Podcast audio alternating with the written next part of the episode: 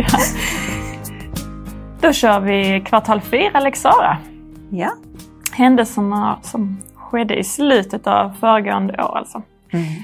Uh, och om jag förstår vår sammanställning rätt, för det är ändå du som ansvarar för den, så, hade, så hade vi uh, nio, nio händelser som hanterats av vår Lex Sara-grupp då för vidare utredning. Mm. Och det är en av de här händelserna som har anmälts till IVO. Yep. Mm. Det verkar vara överhängande funktionsstöd nu. Det? som har de flesta händelserna. Sex stycken är det där. Mm. Precis. Mm. Ja, det har varit. Eh, Och typer av missförhållanden där så är det att det är bemötande som är den. Största delen, ja. Precis. Och sen är det män Mm. som är, det är könet som är främst involverad. Ja. Annars brukar det vara rätt så jämnt fördelat. Mm. Eh, Men lite händelser. Jag tänker att vi tar inte upp alla i detta avsnittet, men vi tar upp några händelser. Mm. Eh, Om ska vi börja med den jag säger praktikant filmade kund och visade för sina skolkamrater. Vad handlade det om? Jo, det var att man hade, hade ju som sagt ha- hade praktik eh, inom funktionsstöd och man eh, var på arbetsplatsen och eh, kom i en situation med en kund som man tyckte var viktig att dokumentera. Eh, Eleven tyckte det.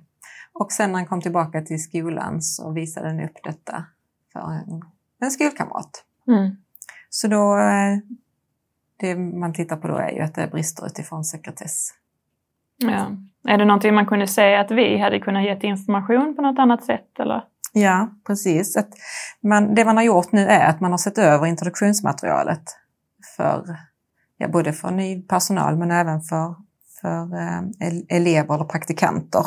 Mm. Eh, med förtydliganden kring det här med filmning och fotografering av kunder. Mm. Eh, Och det man också kommer att göra är att enhetschefen kommer att träffa praktikanterna och gå igenom offentlighet och sekretesslagstiftningen.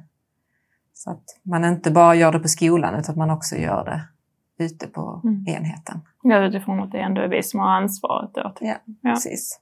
Och det är ju lätt i och med att alla har sina mobiler. Ja, men Så nära att, eh, ja, jag, jag hoppas ju att man inte har haft någon ond avsikt med detta, men att det kan förekomma och det behöver vi eh, lyfta upp. Så att ingen hamnar i det läget att man visar för någon annan och så helt plötsligt har man brutit sekretessen. Och vi har ju- haft en som vi under detta kvartalet nu också som handlar om samma sak. Så att eh, Mm. tyvärr så är det lite som förekommer där man Mm. fotograferar och lägger upp på sina sociala medier och så. Så att, eh, det, är viktigt, viktigt att prata om det. Mm. Sen har vi lite kopplat till trygghetslarm. Då har vi både inom funktionsstöd och i hemtjänsten olika händelser kring det ju. Eh, Och i någon händelse, om jag tolkar det rätt, så är det att man ja, men kanske får till ett arbetssätt där man har använt larmet för att ja, men tryck du när du behöver kanske hjälp med eh, något mindre viktigt. Men i, i ett av de här fallen så var det väldigt viktigt. Ja, det de hade satt i halsen. Mm. Eh, Och att man inte gick på larmet direkt då. Nej, precis. Så att en kund larmade eh, och hade i sin rutin och- i genomförandeplanen att kunden åt i sin lägenhet och sen så tryckte den på larmet och då gick personalen och hämtade matbrickan. Eh, Och i detta fallet så besvarades inte larmet. Och när personalen kommer in en stund senare så hittar man kunden avliden. Troligen satt i halsen. Så viktigt är att prata om hur vi använder oss av larmet och att vi faktiskt reagerar. Att vi inte slutar reagera. Det kan vara viktigt. En viktig händelse nästa gång det larmar. Precis. Och, och även hemtjänsten har vi haft några, ja det var en utredning men det var flera händelser i ett och samma ärende där vi utredde att ja, men kunder som hade larmat men att personalen inte åker dit av olika anledningar.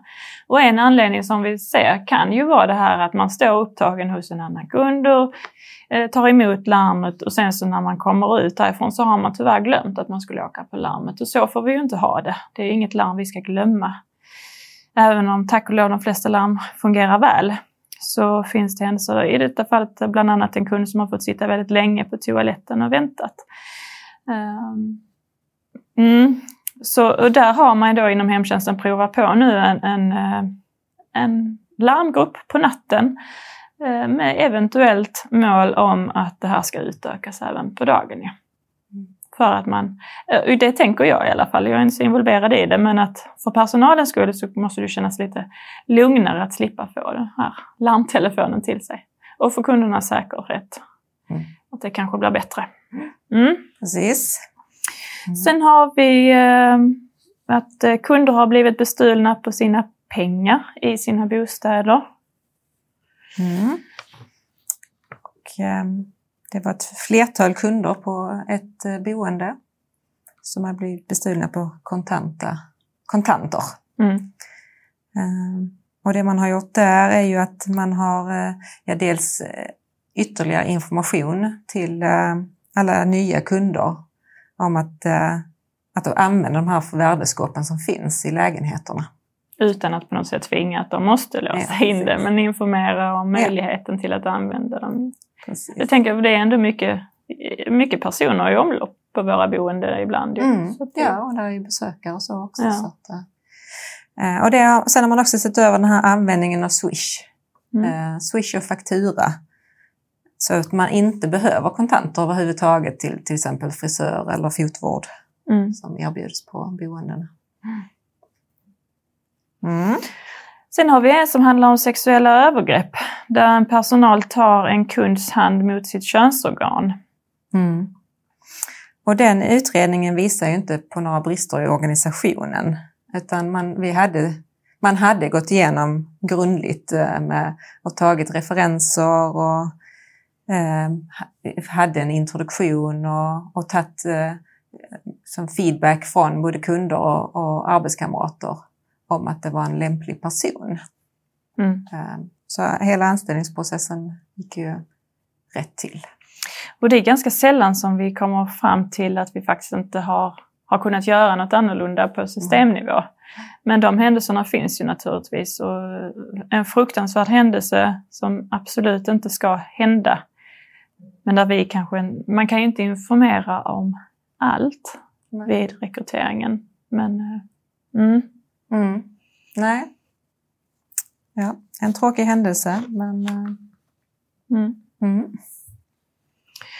Sen hade vi även kopplat till sekretess igen ju det här med att eh, personal har varit inne och läst i kunders journaler som de inte har haft någon relation till. Eh, och här handlar det ju om att man har glömt att avsluta behörigheter eller behörigheten kanske till och med skulle finnas kvar för att man skulle gå in och vikariera i det här området. Men informationen till personalen har ju ändå blivit bristfällig för att eh, någonstans har man inte varit medveten om att man inte fick lov att gå in på de här kunderna som man inte hade någon relation till längre. Man hade avslutats i ett, avslutat, man jobbade inte längre i ett område. Eh, men man var ändå nyfiken på hur det hade gått för kunderna. Så det var ju uppemot 70 kunder som var berörda i det här ärendet. Men när det handlar om sådana här saker så eh, ska det ju anmälas till IMY, heter den myndigheten, och står för Ja, är inspektionen. Ja, det handlar om någon, någon form av dataintrång har gjorts. Usch. Det blir ju en personuppgiftsincident. Så, ska jag säga. Uh, så det är anmält dit där bland annat. Um, men jättetråkigt för den personalen som också har varit involverade att, att det blir på detta sättet. Uh, så därför är det av stor vikt att vi ger information om att även om man har behörigheter till flera kunder så betyder inte det att man får lov att gå in och läsa på dem. Såklart. Och, det behöver vi informera om då både vid anställning men också där, därefter såklart. Så att man inte glömmer bort det. Och eh, man hade ju en, eh, en, en, man ska ju också återkommande informera om att man gör loggkontroller. Eh, varje månad ska ju enhetschefen göra det för sina medarbetare så att man ser att man inte går in på kunder som man inte har någon rätt att vara inne på. Mm. Mm. mm. Och sen har vi på något ställe där det förekommer flera brister i följsamhet till rutiner och ordinationer, vilket har lett till att kunder fått både fysiska konsekvenser i form av rodnader och trycksår. Och sen så har det även framkommit brister i bemötandet Ja. till kunden. Så lite allt möjligt. På något ställe kan ju också vara sådana saker som totalt sett blir ett missförhållande. ja, precis. Och i detta fallet så blev det ett allvarligt missförhållande som också anmäldes till IVO. Ja. Så, eh, men där, där man har då från båda lagrummen, eh, så alla professionerna runt kunderna har tillsammans eh, gjort handlingsplaner och eh, satt till åtgärder för att det ska bli någon... Och både kopplat till ansvarsfördelning och hur man överrapporterar och, Ja. och kopplat till bemötandefrågan då Mm, också. precis. Mm. Mm. Ja, det har förekommit en hel del så här bristande bemötande och fysiska och psykiska övergrepp mot kunder. Och det kan vi väl nog säga att, att, eh, att prata om det här med bra bemötande ute på enheterna kan vi aldrig göra tillräckligt. Nej, Precis. Mm. Kunderna ska ju känna sig trygga i alla, alla möten med Mm. personal. Absolut. Och det finns ju det här, alltså det, det, det behöver finnas ett förebyggande arbete för att de inte ska bli utsatta för hot och våld Mm. i sina boende. Mm. Men hade vi någon sån där hot och våldhändelse den, detta kvartalet? Det hade vi, men det var inga av dem som vi, som vi eh, Som vi tog med. Nej. Ehm, nej, och, och det här som vi var inne på då, att verkligen prata om hur vi filmar och hur vi lägger ut bilder, att vi får vara medvetna om eh, så att vi inte bryter några sekretessgränser. Och, och här var ju ett ärende också där, man, ja, men där kunden har sagt ja till att vara med. Mm. Men Mm. Men att vi ändå har ett ansvar att vara professionella och Ja, vi kanske precis. aldrig ens ska ställa frågan. Nej. Faktiskt. Nej. Ehm, om vi tog det här med vilka kunders journaler man får läsa i när tillgängligheten till journal, många journaler finns. Mm. Och där kan vi nu säga som till enhetschefer att kom ihåg att avsluta behörigheter för medarbetare som slutar hos er eller byter område. För det, det ligger på ert ansvar att göra. Yes. Så det som man kan fråga sig själv nu ute på enheterna är ju att skulle liknande händelser inträffa hos oss, skulle de kunna inträffa hos oss? Och eh, om ja då, vad behöver vi göra för att förhindra det? Och om ni svarar nej, vad har vi gjort så att detta inte kan hända hos oss? Och kanske ni skulle kunna dela med er av det också Mm. eh, till andra enheter. Mm. Sen har vi lite lästips också. Eh, och på Kunskapsguiden så finns där eh, om bemötande i socialtjänsten. Mm. Och sen finns det såklart om Lex på Socialstyrelsen. Och sen är man mer nyfiken på det här det funkar med behörigheter och eh, logkontroll och så vidare så kan man i alla fall som chef läsa på om säker personuppgiftsbehandling i socialtjänsten som också finns på Socialstyrelsens hemsida. Och i våra rutiner naturligtvis. Vi håller ju på bland annat att se över den här loggkontrollsrutinen så det kommer mer info om den.